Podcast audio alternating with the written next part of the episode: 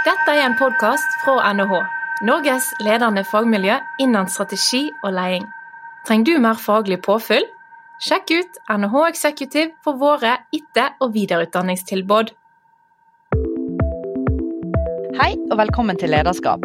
I dag skal vi snakke om hvordan næringslivet kan håndtere uforutsigbarhet under eksterne kriser og sjokk. Hva er et styringssystem, og hvordan kan dette brukes når fremtiden er uviss? Og Dagens gjest er Anita Meidel, som er tidligere partner i konsulentselskapet EU, førsteamanuensis ved NHH, og ny leder for Mastra, som er NHH Executive sin MBA, med spesialisering i strategisk ledelse. Og Før vi går i gang, så tipser vi igjen om at du må gjerne klikke på abonner, så blir du varslet om nye episoder. Velkommen til Lederskap. Hjertelig velkommen, Anita. Jo, tusen takk. Ja, Du kommer jo nærmest rett fra NHHs vårkonferanse, der dagens tema var en av sesjonene du deltok i. Kan ikke du starte litt med å fortelle om din bakgrunn og hva du forsker på?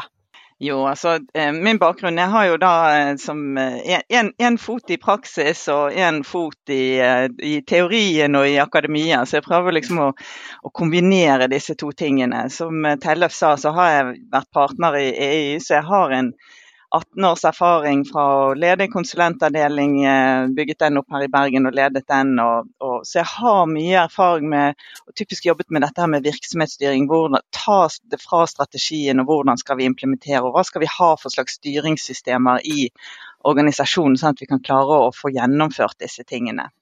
Og da har jeg jobbet med alt fra vet, kalkyler og budsjett og balansert målstyring, og hvordan du skal organisere, og prosessforbedringer, og også gjort noen strategiprosesser. Så, og litt, litt, rundt risikostyring også. Så ganske sånn bred erfaring. Og så var, det, så var jeg på en, en, konferanse en gang, og så treffer jeg en professor her ved Handelshøyskolen som heter Katarina Kårbø. Hun er svensk, da, så sitter hun ved siden av meg. Og Det var faktisk på Fokus-prosjektet som NHH hadde, og, og Ernst Young var, hadde vært med og puttet noen penger inn i dette, så vi skulle få høre noen, noen resultater. Så sitter hun ved siden av meg, og så sier hun hei, skal ikke du ta en doktorgrad? Og jeg bare sånn, er du helt sveiseblind? Det skal nå ikke jeg gjøre.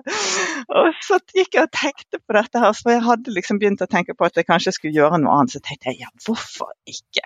Og så, jeg, så, snakket jeg med henne, og så snakket jeg med Trond Bjørnenak, som, som, satt på den andre siden av meg. Så de to da, vet du, jo da, så ble vi enige om ja, jeg tar en doktorgrad.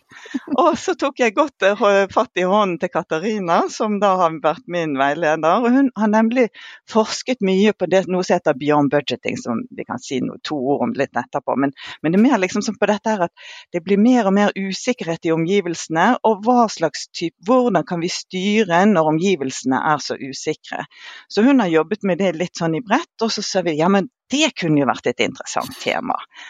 Og så, så, så jeg fra praksis eh, i Ernst Young, så hadde vi liksom én avdeling som jobbet med dette med risikostyring og gjerne internrevisjon. og det, det, var liksom den gjengen. Og så var vi en annen gjeng som jobbet med virksomhetsstyring, og, og det var en annen gjeng, og vi jobbet med det. sant? Og så så jeg det at nei, men nå begynte vi å integrere disse to tingene. Og så tenkte jeg hm, kanskje det kunne være en interessant vinkling på en doktorgrad. Og så, og så hadde vi samarbeid, eller vi var finansiert et forskningsprosjekt av Equinor. Og så er vi ute på en middag, og så sier de ja, vi gjør noe spennende. Nå slår vi sammen performance management-avdelingen, eller enheten vår, med risikoavdelingen. Og så tenkte jeg OK, så her skjer det der skjer det også. Det kunne jo vært interessant å studere. Og så diskuterte vi kunne ikke det vært en god profil på en doktoravhandling. For da går vi liksom må snevre inn. Kan liksom ikke snakke ta alt mulig i en doktorgrad, så da måtte vi liksom Jo, vi ser på hvordan risikostyring kommer inn liksom i virksomhetsstyringen. Og da så fikk jeg tilgang, og, og, så gikk jeg i gang. Og, så da har jeg egentlig studert Equinor, veldig mye rundt Equinor sin, sin risikostyringspraksis, men helhetlig, liksom sånn på, på overordnet nivå. Ikke ned i, i den operasjonelle og, og safety risk og langt ned, ned, i det operasjonelle, men mer hvordan kommer det inn da helhetlig. Så, mm. så så da ble det en doktorgrad, og så ble, var det veldig kjekt i akademiet. Og så ble det postdoktor, og så ble det førsteamanuensis, og nå er jeg her. Nei, det, det, er veldig kjekt. Og du, og du, jeg må jo nevne at du er nå eh, veileder for kona mi på ja. Institutt for regnskap, revisjon og rettsvitenskap. Så kan ikke du fortelle, hva, hva er det med styringssystem? Hvorfor ligger det under eh, regnskap og revisjon? Eh, regnskap og revisjon eh, det høres jo liksom sånn veldig sånn tørt ut. Eh, så det er kanskje ikke sånn ja, hvor jobber du da? Da stilner liksom diskusjonen veldig fort etterpå når jeg da kommer i et middagsbesøk og forteller nei, nå skal du høre, jeg er først. Altså, å, er du det? Ja, skal vi se, det er fint å være i dag. Snakke om noe annet. Vi, innenfor dette med, med regnskap, så tenker vi veldig sånn finansregnskap. Men det begrepet er egentlig accounting. Og vi har egentlig to typer. Vi har det finansielle regnskapet, men vi har òg det vi kan kalle for internregnskapet, som er liksom den økonomiske styringen som vi kaller for management accounting, som går mer på kalkyler, eller management control, som handler egentlig om denne styringsdelen. Og Den ligger også innenfor eh, paraplyen accounting. Og accounting blir liksom oversatt til regnskap. Så det er et mye bredere begrep på engelsk enn hva vi tenker på det på, eh, på norsk. Eh, så derfor så, og da, da, er det, Her ligger mange av de verktøyene vi har i pakken rundt budsjett og, og KPI-er og sånn, men det handler også om kultur, eh, motivasjon, eh, insentiver, organisasjonsstruktur, governance, strategi. Altså det, det, det, er mye bredere enn bare akkurat å tenke at nå skal vi få ut eh, en årsrapport eller et regnskap. Så, så det, er en, det, er egentlig litt en fot i strategi- og ledelsesinstituttet, og en fot eh, her i eh, litt mer regnskapsnært. Så det, det, er liksom i skjæringspunktet mellom de to liksom, temaene der. Da. Ja. Mm. Og Det er artig at du sier Anita, for tilbake til den tiden da når du snakket om Katarina og vi hadde dette fokusprogrammet som var sponset av næringslivet, så hørte vi om dette beyond budgeting, som du sa. Og vi eh, fra strategiledelse vi så for oss å ja, de, de, er budsjettløse, men de snakker om disse tallene. Og så begynte de å snakke om motivasjon og, og disse fagene som vi kaller våre. Og vi ble jo helt forvirret. Hva, hva er dette her for noe? og så så vi jo at oi, dette henger sammen. Så, så dette har jo vi òg lært veldig mye. Og da er det jo spennende å dykke litt ned i det som dere kaller dynamisk virksomhetsstyring, eh, versus det som dere snakker om tradisjonelle styringssystemer. For det er vel der dere prøver å bevege feltet, eller har vært inne og, og studert mye hos dere, ikke det det? Jo, og, og det, hvis du kaller det tradisjonelle styringen der, så det er jo ikke noen det er jo ikke noen ren definisjon på noen av disse tingene. sånn at det er jo litt sånn men ofte så, det er mange som bruker liksom tradisjonell styring, så tenker vi sånn command og control. Det er noen på toppen som har bestemt noe, og så blir det kaskadert nedover. Og så får man lenger nede bare ordre om hva man skal gjøre, og så blir det mm. kontrollert at man faktisk har gjort dette. Så tror jeg nok sånn i i, og, ta, så, så, tenker jeg liksom sånn Ja, men så, det funker veldig greit hvis det er stabile omgivelser. Eh, vi kan legge det budsjettet som vi hadde i fjor og justere det bare litt. Grann. Eh, de på toppen har, er allvitende og kan bestemme alt fordi at omgivelsene er akkurat som de var i fjor. Da, da, kan eh, eh denne her tradisjonelle, som er, er veldig mekanisk styring så, så, man kan gjerne tenke at den som er mekanisk, den er byråkratisk, effektivt, masse regler, sånn og sånn skal vi gjøre det, standardisering. Men så kommer det jo dette her med at ja, men vi har jo store Det er noen som har hørt, vet ikke om dere har vært opp, inne med dette begrepet VUCA, som er volatilitet, uncertainty, altså usikkerhet, og eh, tvetydighet, ambiguity, og kompleksitet. Og Det er liksom et sånt begrep som er kommet siden 80-tallet. Så sier jeg ja, men det er større og større usikkerhet i omgivelsene, og vi må ha innovasjon ganske altså ikke bare sånn lange innovasjonsprosesser, men ting må gå litt hurtig. Vi skal være tett på kundene. Kundene skal ha tett kontakt med kundene. Og Da kan ikke du sitte og vente til at du får tilgang til toppledelsen, og at toppledelsen skal fatte en beslutning, og så skal den gå hele veien opp og så skal den gå hele veien ned. Da må vi myndiggjøre de ansatte ute i linjen som sitter nært kundene, som sitter nært, og, og, og som har gjerne enda bedre kompetanse på mange av de områdene som det skal gjøres noe, enten det er innovasjon, eller det er salg, eller det er tilpasning, eller hva det er for noe.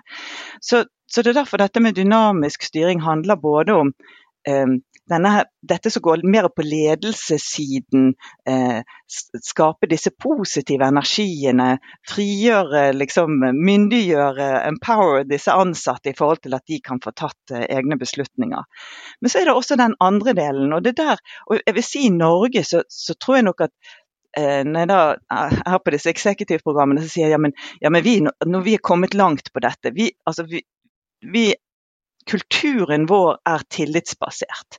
Kulturen vår er at ja, vi ønsker jo da å gi eh, og delegere. Og, og så, så, der er vi. Vi jobber med det, og det er den veien. Eh, så det er, liksom, det er litt sånn å slå inn dørene.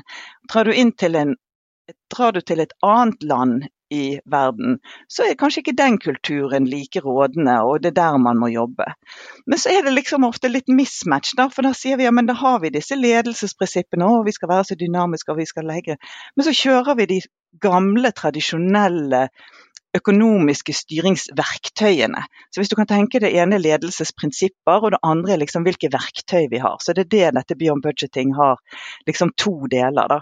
Og da har de en del prinsipper rundt eh, også dette med verktøyene. At, ja, men, skal vi nå ha liksom, årlige budsjetter?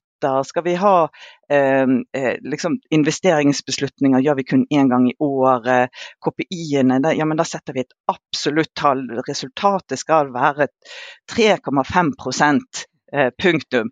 Ja, men hvis da markedet gikk veldig opp eller gikk veldig ned, eller konkurrentene de fikk jo 10% 3,5 Ja, 3,5% var bra, vi har jo satt det målet. At man må begynne å tenke liksom relativt og sammenligne seg. Så her er en hel rundt liksom, hvordan kan vi lage det mer dynamisk også eh, liksom hele verktøykassen som vi har innenfor økonomisk styring. Og Da er det å prøve å rette blikket fremover og tenke prognoser og eh, ja, Pelle. Ja, vi, skal, vi, skal, komme videre inn på, på styringssystem eh, veldig snart. Men vil også eh, sirke litt inn mot eh, dagens tema, som gjør da hvordan man skal håndtere usikkerhet, og da særlig økonomisk usikkerhet. Hva, kanskje du vil starte med å prøve å definere hva risiko er, og hva usikkerhet er for noe? Ja, og jeg synes jo dette her, jeg liker alltid når jeg skal begynne, når jeg begynte da å lese om dette med risikostyring, så var en av de første bøkene jeg leste, en bok som heter 'Against the Gods'. The Remarkable History of Risk, som er skrevet av en som heter Peter Bernstein. Eh, den er fra 1998. Den er fantastisk. Den, altså, den er en sånn allmenn, artig bok eh, sånn, eh, å, å, lese for egentlig for enhver. Man behøver ikke være liksom, veldig nerdy og gå inn bare sånn faginteressert. Og Den forteller liksom ja, hva, første var liksom, ja, Hvor kommer det der risikobegrepet? Og Det kom fra italiensk, gammel italiensk og var risicare. Altså, det var det, med et forsøk på å snakke italiensk. så, eh, og, og, hva betydde det? På engelsk så oversatte han den 'to dare'. Og så det tenker jeg, men Å våge, å tørre å våge. Så risiko var liksom i gamle tider, hvis du går tilbake igjen, så var det liksom å, å tørre noe, at du skulle eh, våge noe for å vinne noe. Men hvis du går liksom før man altså, si på før 1500-tallet og, og, enda tidligere. Men hva var risiko da? Nei, men Da hadde man ikke begreper om det. Da var, da var det Hvis noe gikk galt, så har du syndet, og du får noe straff fra Gud. Eh, har du gjort det bra, ja, men da er det fru Fortuna som drysser sine Da var du, lyk, da, da, da var, du var heldig. Det var liksom mm. det, det, er liksom skjebnen som trår inn. Det er ingen som har noe begrep. Altså, vi mennesker har jo ikke egen vilde, det er gudene som styrer oss. Det er derfor den heter 'Against the Gods'. For det, det er liksom det gudene som holder på. Og så, når vi da begynner å, å, bli et menneske, blir et fritt menneske, vi begynner å få lov å få egne meninger og egen vilje, og så begynner vi å bli veldig glad i tall. Vi har hele, så går du utover liksom på uh, Han skriver bl.a. på 1500-tallet så kom den første. Det var en gambler. Han likte å spille med terninger. Og Da ville han begynne å regne ut sannsynlighetsberegningen for om han kom til å vinne eller tape dette spillet med terninger. Det, og Det var på 1500 og et eller annet. Og så kommer det i boken her en rekke rad liksom, jo, den ene etter den andre med sannsynlighetsberegninger. Vi snakker om bell curve, vi snakker om eh, statistikk usikker på hvor, hvor lenge kan vi leve. Så, så, mer og mer begynner vi å kvantifisere liksom, sannsynligheten for at det skal skje noe. Og Så kommer jo da liksom den store som blir referert også i dag, det er Frank Knight, som skrev doktoravhandlingen sin i 19... Eh, han kom ut med en bok i 1921 som er basert på avhandlingen. Eh, hvor han da har, har liksom sett på forskjellen mellom hva er usikkerhet og hva er risiko. Og Usikkerhet handler jo om at ja, det er noe i tiden foran oss, og vi vet ikke utfallet av det. Så det, det er liksom utgangspunktet. Og så sier han men hva er da en risiko, og hva er usikkerhet? Og Da sier han jo men det er det vi kan kvantifisere. Når vi kan kvantifisere sannsynlighet og konsekvens, da er det en risiko. Og resten av det er usikkerhet. Og dermed så, mm. så, Etter den tid så har det vært veldig mye fokus på at risiko er noe vi skal kvantifisere. Og Du ser det innenfor, altså innenfor HMS-området, prosjektstyring, innenfor forsikring. altså Det er masse eh, kvantitative risikoanalyser som har vokst frem i tiden etterpå. Men det har fått veldig sånn risiko, Når vi tenker på risiko, så tenker vi bare på nedsider. Vi tenker på noe som kan gå galt. Unntaket her er finanssektoren de sier at ja, men vi skal ta en risiko fordi at man mm. Risk and reward. De skal ha en mm. gevinst. Men, men mye at, altså, også i språket i Norge, når vi tenker, hver gang vi snakker, jeg må jo selv ta meg i at, at ikke risiko bare handler om en, at noe kan gå galt. Det startet jo med han altså trillet terninger fordi at han ville, han ville ha en gevinst. Så risiko er både en oppside og eh, en nedside. Eh, mm. så, men, men, men sånn, hvis du går kanskje sånn fra midten av 1990-tallet, så har risikobegrepet endret seg fra å være liksom bare at det er dette vi skal kvantifisere, og, og være veldig sånn teknisk nede i de som holder på med prosjektstyring eller de som holder på med HMS, de sitter og gjør sine beregninger, til at dette er blitt en måte man styrer virksomheter på. Altså Det er blitt løftet opp på organisasjonsnivået. Eh, at når en usikkerhet blir tatt inn i organisasjonen, og ledelsen begynner å se på den og vurdere den, ja, men da er det en risiko. Sånn at du, det, det, mm. Uavhengig av om du vet sannsynligheten og konsekvensen av den, så er det liksom, så lenge man da tar den inn. Og Da er det en som heter Mike Power, ifra, en professor fra LSI, som har skrevet en bok, en veldig bra bok, og han er veldig mye sitert. og Han kom også med en, med en artikkel i 2004 som kalte 'The Risk Management of Everything'. For det plutselig så skal vi jo mm. risikostyre alt. Eh, mm. og det er blitt liksom sånn, nesten sånn eksplosjon at eh, ja, men vi, vi, alt mulig skal risikostyres, og vi blir holdt ansvarlig. Alle blir holdt ansvarlig. Og du blir forventet at du skal kunne fremlegge at jo, men dette har jo du vurdert, og så greit at vi ikke alltid faller på rette siden og, og, og du vet, en, noe skjedde, det, det, skulle ikke skje, men, men, men, i alle fall, jeg hadde jo planer å se hva vi, vi har gjort og hva vi har tenkt osv. Så, videre. så mm. eh, nå vet jeg ikke helt om jeg svarte på spørsmålet. jo, jo, jo.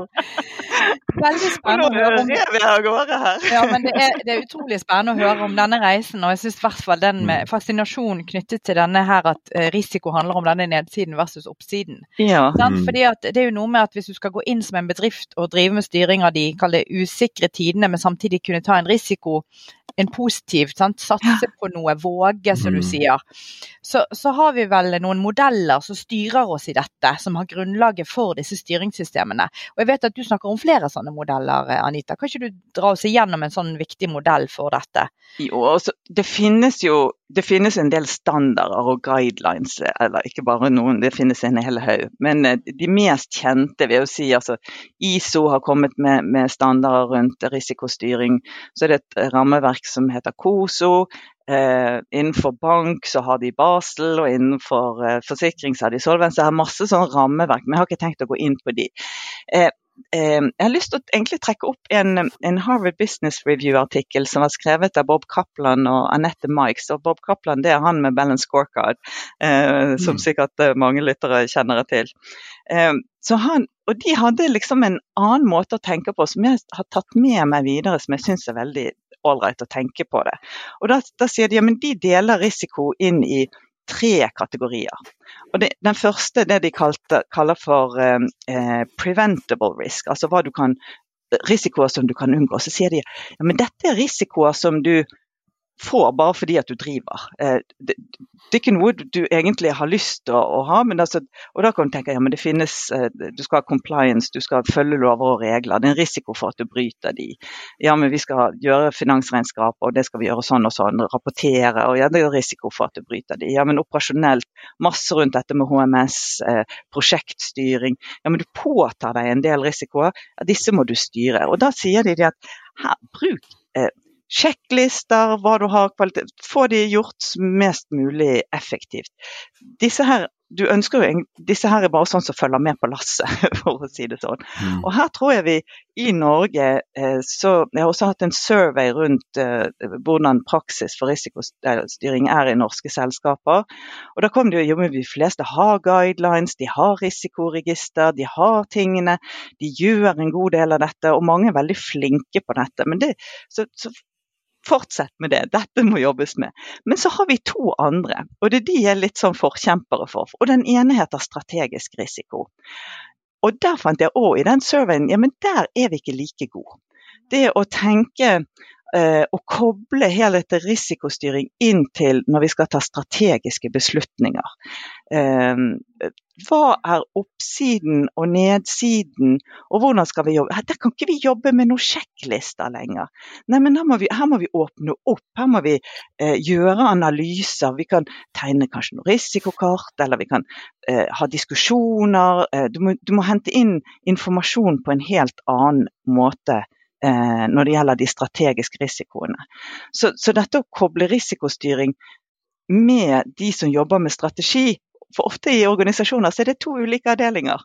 Den ene det er risikostyringsavdelingen, og strategiavdelingen det er noen helt andre. Så, helt, så ofte at vi må få til dialog, vi må snakke sammen. Og vi må sitte tverrfaglig og hente inn kompetanse fra ulike deler av organisasjonen til å diskutere. Eh, og, og hva er da risiko, hvor mye risiko er vi villige til å ta.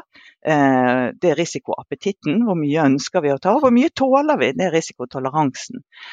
Eh, så, og det har noe og det, det, er ikke sånn at vi kan kvantifisere det til et tall, men at vi må ha noen diskusjoner mm. rundt det. Og Den siste kategorien det er det vi kaller for eksterne, eller Mikes og Cappelen kaller for eksterne risker. Og De får vi enten vi vil eller ikke. Eh, og, de, og de kan vi ikke gjøre noe med.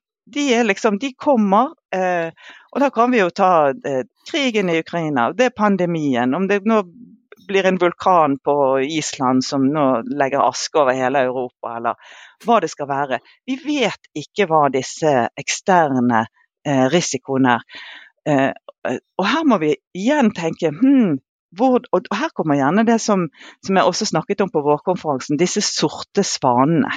Eh, mm. Og det er jo hendelser med veldig lav sannsynlighet, og så har de veldig stor konsekvens. Men de, det er liksom sånn, vi klarer jo ikke alltid å tenke de ut. Hvor mange er det som f.eks så, noen visste, men så finanskrisen, den har gjerne vært opp, omtalt som det. Hvem var som forutså at, at, Donald Trump skulle bli president i, i, USA? Eller krigen i Ukraina, eller pandemien. Altså her er mange sånne Vi kan gå i historien og se, eller vi kan gå inn i eh, altså hvem, hvem tenkte at Microsoft skulle bli et sånt gigantselskap?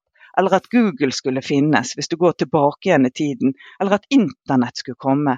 Det er jo liksom sånn her eh, Man klarer ikke helt å forestille seg det. Og i dag så kan vi jo sikkert tenke på dette med kunstig intelligens. Vi vet ikke hva dette Hvor vil dette ta oss henne i fremtiden? Vi klarer ikke helt å forutse. Eh, og, og det kan godt være at der skjer noe stort uten at vi i dag. Og så klarer vi etterpå å ja, men det var jo noen som visste.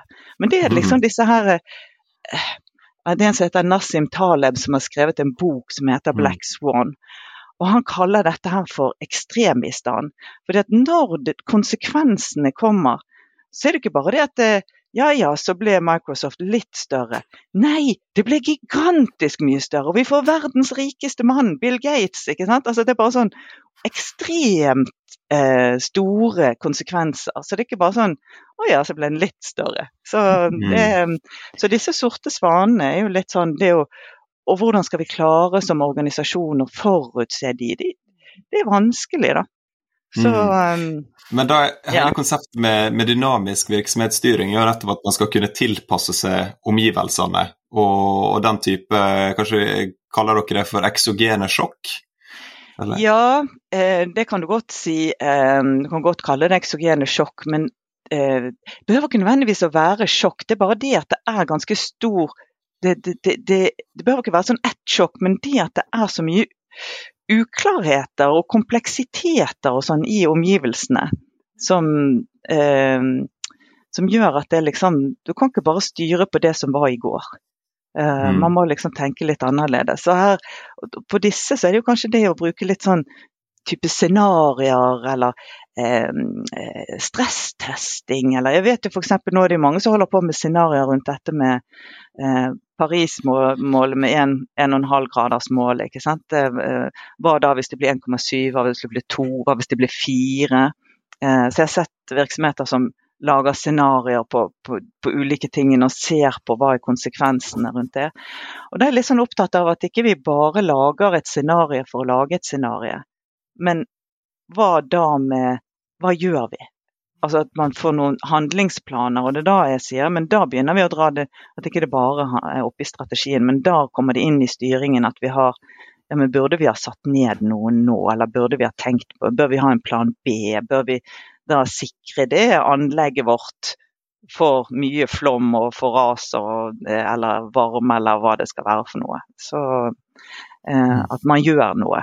Så Mm, men det koster jo ofte noe, da, så det blir jo en trade-off. men, men, i forlengelsen av det, sant? du snakket om scenarioer er en, en, måte å gjøre dette på. Eh, og da regner jeg med det handler mye om disse to andre typene av eh, risiko som, som Kaplan ja. snakker om. Sant? Ikke denne der eh, preventive, for den, den har vi systemer på. Ja. Så det er den med å balansere de. Og så snakket du òg om å, å, ta dette med å lage risikokart. Hører dette med i dette eh, feltet her, og hva, hva er i så fall fall det, for det snakket du òg om at det gjorde de i Equinor bl.a. Ja. Ja, og Risikokart har man egentlig, og det kan du ha på alle nivåer. Det har man også helt ned på, på det operasjonelle og på eh, altså Det har man brukt egentlig veldig lenge, men da har man typisk brukt et risikokart. Så Hvis du googler risikokart, hva får du opp da? Og alle har sikkert sett et risikokart. Jo, da får du en sånn fem ganger fem-matrise, og så er det rødt eh, og så, gjerne oransje og gult, og så går det nedover til grønt. Eh, og da er det jo sannsynlighet og, konsekvens, og så i, fem ulike nivåer. Og så ganger du sannsynlighet og konsekvens, så får du liksom risikoen din. Um, det som jeg syns har vært veldig bra med det de har gjort i Equinor, er at de, eh, der syns man at det ble litt sånn upresist med bare denne fem ganger fem-matrisen. Vi ønsker å, å, å, å, sette penger på det. Hvor mye da faktisk, i kroner og øre, eh, snakker vi om?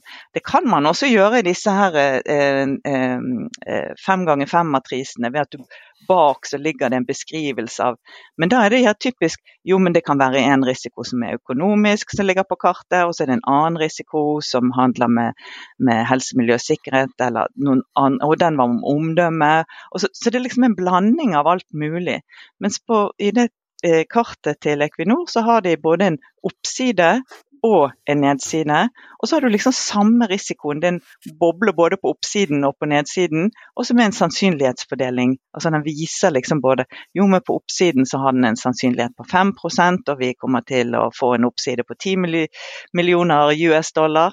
Ja, på nedsiden ja, det er kanskje 25% sannsynlighet, og vi kan tape 50 millioner US dollar. Og så har du en strek imellom. Så det er ikke en sånn full uh, utfallsrom, men, men det, det, sier noe om, om retningen. Og da, mm. da, da, da, gir dette her uh, litt mer informasjon, og det gir også veldig god informasjon til de som skal styre, uh, i forhold til hvor, hva, hva, er det beste utfallet, og hva, hva er best case og worst case innenfor dette området her. Um, så jeg de, Men, men den, det risikokartet som de jobber med, det er typisk sånn i ettårshorisont, for da klarer de å kvantifisere og sette penger, og, eh, både det monetære og sette sannsynlighetsfordeling på det. Så har de også alle risikoer knyttet til HMS-området, ja, men det er jo ikke så veldig mye oppside med det.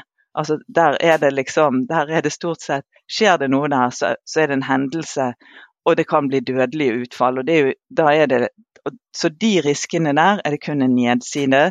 Og det er ikke kvantifisert i penger, men i en, i en sånn impact scale, en skala fra 1 til 9, avhengig om det er en stor ulykke eller mindre ulykke, eller hvor, hvor stor er den. Og så har man noen eh, kvalitative begreper rundt det. Så jeg syns de har kommet ganske Jeg liker veldig godt den eh, modellen som, eh, som, de har utviklet der, da. Så mm. Men, det, men i et litt lengre perspektiv, da, hvis vi snakker om Equinor, eh, hvordan er risikoen for Equinor i la oss si, et tiårsperspektiv, et 20-årsperspektiv? Det er vel ja, Jeg har ikke sett det så langt, eh, for å si det sånn. Altså, de har, men de har jo da også eh, det, jeg, jeg, kan ikke si jeg, jeg, jeg, ikke, jeg er mest interessert i selve systemene man bruker. Eh, og da, Det jeg syns har vært interessant å se i Equinor, er at man òg prøver å legge ja, hva da med risikoen i en mye lengre horisont. Eh, hvordan ser den? Og Da har de brukt noe som de kaller for en risikoradar, som er mye mer upresis, altså, upresis i form av at du, du, sitter ikke med eksakt sannsynlighet og konsekvens. Det er bare sånn er det viktig, mer viktig eller uh, enda mer viktig. Og så legges denne her utover i, som en sånn boble utover i, i tid på et sånt uh, risikokart. Og da kan du liksom sette på de litt mer langdistansebrillene.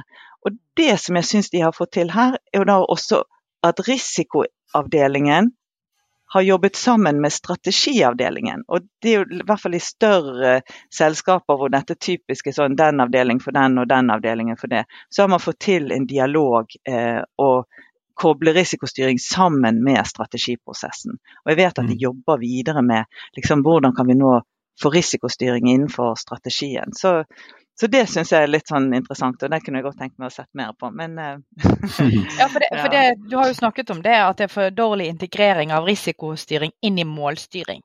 Sånn, ja, veldig, det òg. Mm, ja, så ja. vi er gode på og, med KPI-er. Og, så videre, og så er det sånn, ja nå skal noen sette noen eh, risiko eh, senere i den eh, powerpointen langt der baki. Men, men hva mener du med at det kunne vært integrert bedre? Hvordan ser det ut i så fall? Og det, det synes jeg, eh, for når jeg har fulgt altså, mange holder på med risikostyring. Jeg har også selv sittet i styret. Så får vi liksom en styresak. For nå kjenner jeg til at vi har anbefaling til eierstyring og selskapsledelse. Corporate governance-anbefalingen i Norge sier at ja, styret skal ha risikostyring opp på styrebordet en gang i året. Ja, men Da kommer det et risikokart og vurderinger, i hvert fall en gang i året, kanskje oftere. Men det, da er det en sak. Da er det risikostyring er en egen sak, og man ser på hvordan ser risikoen. Og så er det en del til, handling, tiltak og hva vi skal gjøre osv. Flott, da har vi sett på risikostyringen. Så har vi månedlig, eller eh, ja, de fleste har månedlig eller kvartalsvis, disse her målekortene og KPI-ene og resultatene og hvordan går det. Ja, da har vi det som en egen sak. Og så ser man ikke disse to tingene i sammenheng.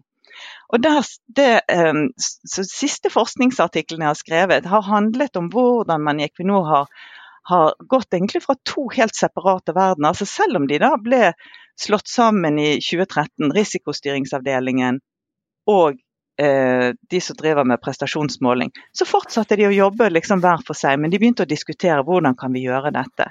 Så fikk de et nytt verktøy og skulle lage et nytt balansert målstyring.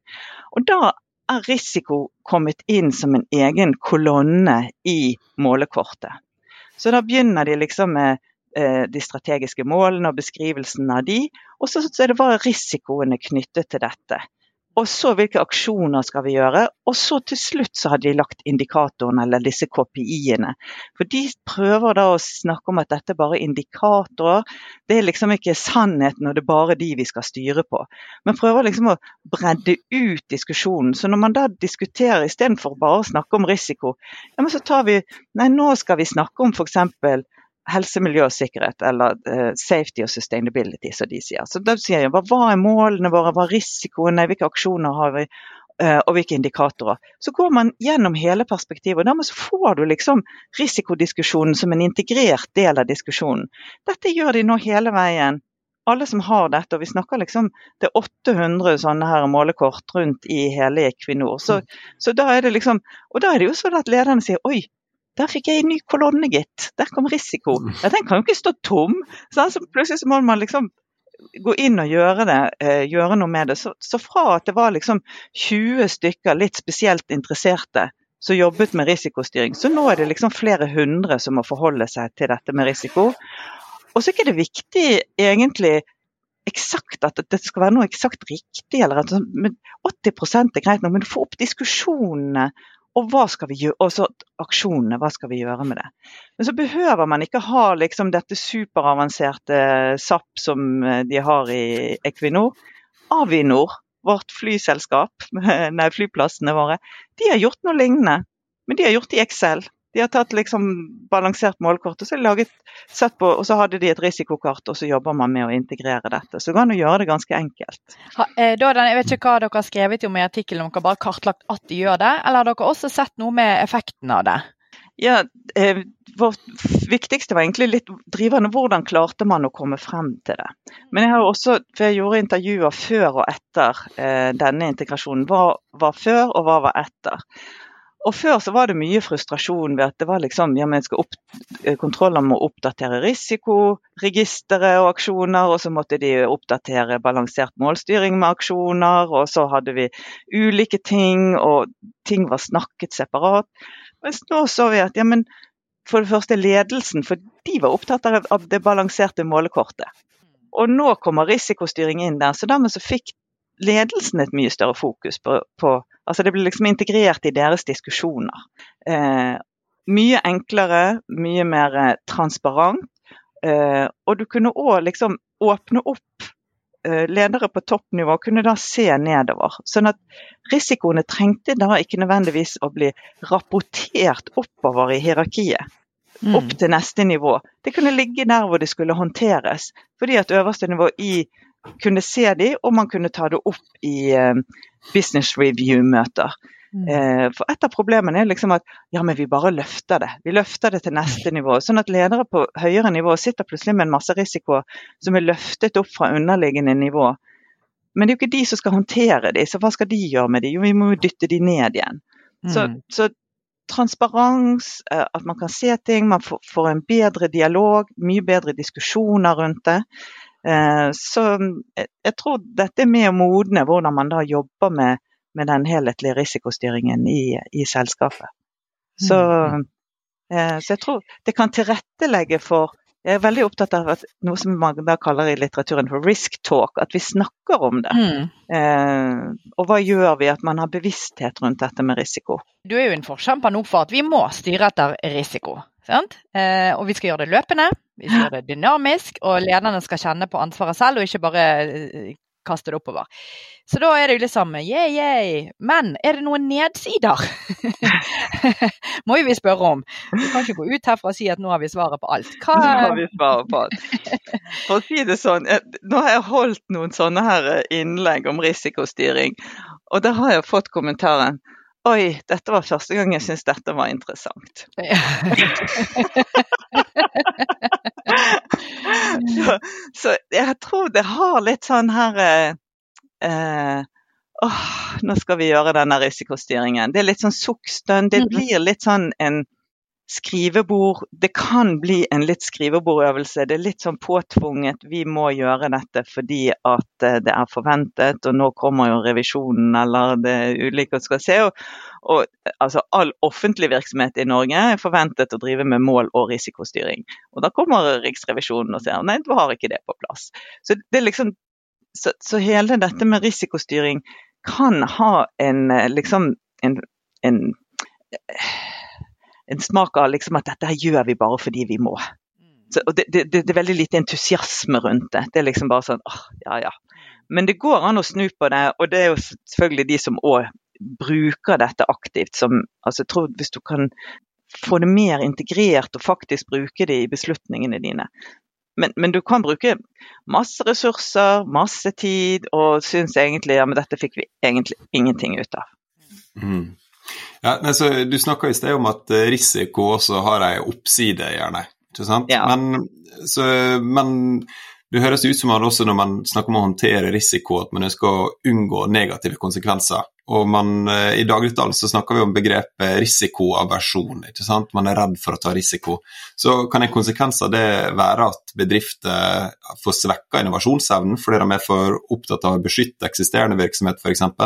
Ja, det tror jeg nok. Det, hvis du tenker at du snakker litt om risikoaversjon, da har vel eh, Dette er kanskje enda mer din, din gate, Therese, men eh, uh, psykologiforskere som har sett på, på um, uh, ledere, og er de risikoaverse eller ikke. og der er jo en mer tendens til at de er mer risikoaverse enn hva eierne er. Så eierne ønsker en høyere risiko, men eh, CEO eller administrerende direktør er ikke så villig til å ta så veldig høy risiko. For det kan jo bli ganske ubehagelig for, for uh, vedkommende. Så jeg tror nok det er eh, Og litt også dette vi snakket om, ja men vi må ha systemer, og ja men vi må unngå, vi skal jo ikke, ingenting må gå galt. og eh, Så klart det kan være en at, at det blir mer det, blir, det er lett for at det blir mer fokus på nedsiden enn på oppsiden. Og Det ser jeg også når diskusjoner rundt risiko kommer opp, fordi at vi så naturlig tenker på at noe kan gå galt.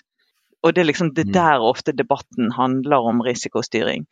Um, og Hvis du ser um, risikostyring nevnes ofte i risikos, vi skal ha risikostyring og skal vi ha internkontroll. Det er liksom to begreper som er litt sånn hånd i hanske. Og Da snakker vi om disse her som eh, the preventable, de som vi kan, kan unngå risikoene. Det, det, er ofte de, og det er de liksom, jo men da skal vi kartlegge hva kan gå galt i denne innkjøpsprosessen. Ja, men da må vi sørge for å ha internkontroll på det. Og Det er forventet at man har, og revisor kommer og sjekker at prosessene dine er, at du har kontroll i alle prosessene. Og Dermed blir det veldig mye fokus på denne her nedsiderisiko. Hva kan gå galt i dette prosjektet? Jo, tid koster kvalitet. Jo, men hva er det for noe? Hvor? Og vi må liksom sørge for at vi leverer på tiden. Det er sjelden at man Det er ikke så ofte eller like mye fokus på oppsider i, når vi snakker om risikostyring. Så der er nok en eh, og, og, Vi snakket jo òg om på vårkonferansen, eh, Lasse innledet jo Lasse Lien, eh, vi har jo hatt han på podkasten før, om i strategi med at man kan gjøre enten en type 1-feil, det betyr å gjøre noe man ikke burde gjort, og det høres ut som disse preventables er, er veldig i den mm. gaten. Sant? Du har kontroll på det. Men så har du denne type 2-feil som unnlater å gjøre noe man burde gjort. Eh, og det er jo de som da tør å våge, som du sa, risiko, risikar, eller hva du sa fra italiensk. Ja. Ja. Det å våge. Så bare det kanskje å få mer mentalt på plass at dette er noe vi må jobbe med. Ja. Eh, eh, tenke at det kan ha positive oppsider å ta denne risikoen. Enn at det hele mm. tiden, i hvert fall i mitt bilde da, som kommer litt utenfra, så tenker jeg òg risiko veldig som sånn nå må vi for all del unngå å gjøre noen feil. Heller enn at vi må satse og se om vi kan få noe ut av det, og det er også å ta en risiko. Så bare det mentale spillet i å forstå det på nye måter, tror jeg eh, kan virke interessant, i hvert fall. Ja, mm. for den første når du snakker om risiko og internkontroll, handler mest om hvordan kan vi unngå det. Men hvis du snakker om risiko i den andre, liksom, å, hva, hva, og kobler det til strategien, så ja, skal vi ta risikoen? Skal vi dele den med noen andre? Skulle vi kanskje ha kjøpt en forsikring på dette, tatt en hedge eller gjort et eller annet? Altså, du, kan, du har liksom ulike virkemidler. Eller skal vi faktisk Jo, neimen, vi kjører på, dette tåler vi. Vi, vi, tar, vi tar den. Men at man da har hatt den diskusjonen rundt det. At jo, men faktisk, dette gjør vi, nå tar vi en risk her tror vi oppsidene ligger, og dette er nå strategi. Vi går for dette. Mm. Eh, så mm. Så Vi har også da snakka om svarte svaner og ting som er vanskelig å forutse. Men eh, en, ting, en sånn overgripende utfordring er jo eh, klima og eh, klimaendringer. Ja. Så du har jo bl.a. jobba med hvordan bærekraft kommer inn i styringssystem til bedrifter. Kan du fortelle litt mer om det? Hvordan kan det gjøres konkret? Ja, Nei, vi, vi eh, eh, jobber nå med å prøve å se på, se på praksis for, for eh, hvordan, man, hvordan, virksomheter jobber med bærekraft. Og at det, ikke, at det kommer inn i styringen eh, til, eh, til virksomhetene.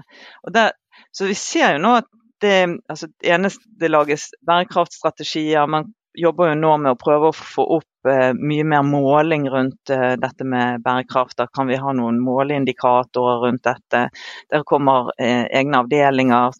Man organiserer dette med bærekraftsansvarlige, og man jobber med kulturen. Så, så det er liksom et helt spekter. Og også hvem er det governance-strukturer rundt dette med, dette med bærekraft. Men jeg ser jo det har, altså, det, det har liksom beveget seg fra å være eh, noe man snakker om, til eh, at man prøver da å kvantifisere det, eller gjennom å lage KPI-er, eller eh, eh, de har gjør vesentlighetsanalyser. Hvem er dette her vesentlig for? Eh, og, og, man tar det også inn i risikovurderingen. Hva kan faktisk eh, skje for oss? Eller lager scenarioer. Så her er mange ulike ting som gjøres innen, innen virksomheter. Eh, men jeg tror nok det, der er det fortsatt en god vei å gå. Eh, så vi prøver å følge en del av eh, noen av disse rapportene. Det er andre som også henter inn en del data. at de har det tok tid før de i det hele tatt kom inn i strategien. Det, først har vi bare snakket om det. Ja, kommer det inn, gjør man noe faktisk? Og, og hva gjøres da for noe? Så vi er, vi er, mm. fortsatt litt tidlig i det eh, prosjektet. Så, eh, og din kone jobber jo iherdig med å kartlegge dette. Så det blir Det er liksom litt det vi, vi holder på med. Men det er videre enn bare å snakke om risikostyring, da. Så. Mm.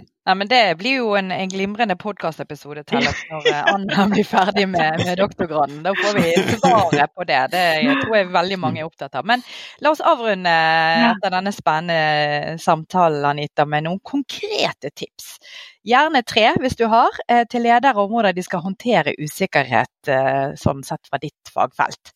Ja, og da, da tenker jeg å gå litt sånn tilbake igjen til denne her artikkelen til, til Kaplan og Mike, som jeg syns de de liksom eh, skisserte opp Jeg syns den var liksom som enkel og grei å forholde seg til. Og samtidig med litt sånn konkrete tiltak til hva man kunne gjøre. Og, og det ene er liksom ja, men de første, det man kan, det man har kontroll på selv. Fortsett med å ha kontroll på det. eh, jobb med internkontrollsystemene og jobb med de, de, de, preventable risk, altså det du kan liksom styre selv og ha kontroll på. Men gjør det så effektivt som mulig. Prøv å bruke altså, eh, Kan vi bruke minst mulig kostnader på det og gjøre det mest mulig effektivt, så gjør det. Så er det disse her strategiske risikoene. Eh, jeg sier bruk gjerne risikokart. Bruk om det er indikatorer, men her må du sette sammen tverrfaglige team. At ikke det er bare sånn én og én som gjør ja, men bare sånn de andre kan en en sjekke. Men på de strategiske vi må diskutere hvor, hvor, mye risiko skal vi ta. Skal vi våge, skal vi tørre? Og at ikke det bare er én, men hente inn kompetanse. Og kompetansen sitter ikke nødvendigvis på toppen, men rundt i organisasjonen. Og den siste på de eksterne risikoene. Ja, men vi kan ikke vite når den neste finanskrisen kommer. Men det vi kan gjøre selv, er å vurdere hva er de områdene som er kritisk for oss å ha kontroll på. Hvordan er, er vi bare avhengig av én bank i California på finansieringen vår, så skulle vi kanskje tenkt at vi skulle uh, hatt to.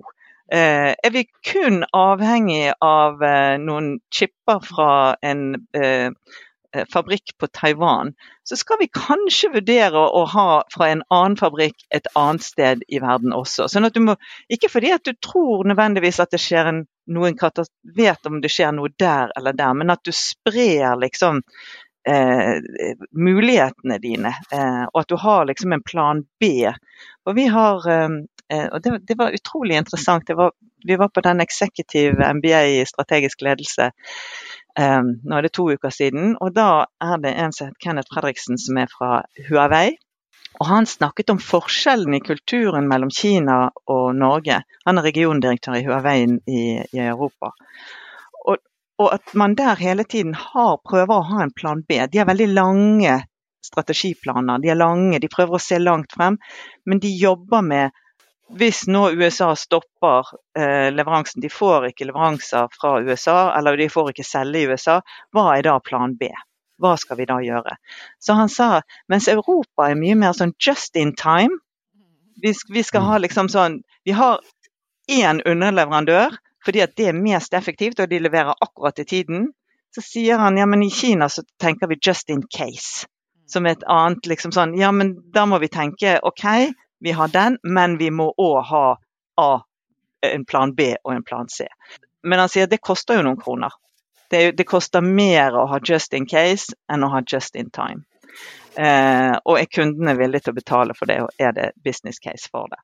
Så det, det, synes, det, det, begrepet der, just in time, just in case, det syns jeg var en, eh, det var en litt sånn nice eh, ja, tanke rundt hvordan skal vi, hvordan skal vi tenke. Og det var en eh, fin avslutning også, vil jeg si. Ja. så tusen takk, Anita. Veldig spennende å høre om og, og alt du forsker på og har fått med deg både fra praksis og akademia. takk skal du ha. Takk for at jeg kom. Mm. Du har nå hørt på Lederskap, NHHs podkast om ledelse. Mitt navn er Therese Sverdrup. Og jeg heter Tellef Solbakk Rabe. Kom gjerne med tilbakemeldinger eller innspill til tema. Du finner kontaktinformasjonen vår på NHH sin hjemmeside, eller så kan du skrive til oss direkte på Twitter og LinkedIn. Og om du likte det du hørte, så blir vi veldig glad om du vil abonnere og dele episoden med dine kolleger eller venner. Vi høres i neste episode. Dette er en podkast fra NHH. Norges ledende fagmiljø innen strategi og leding. Trenger du mer faglig påfyll? Sjekk ut NHH Executive for våre etter- og videreutdanningstilbud.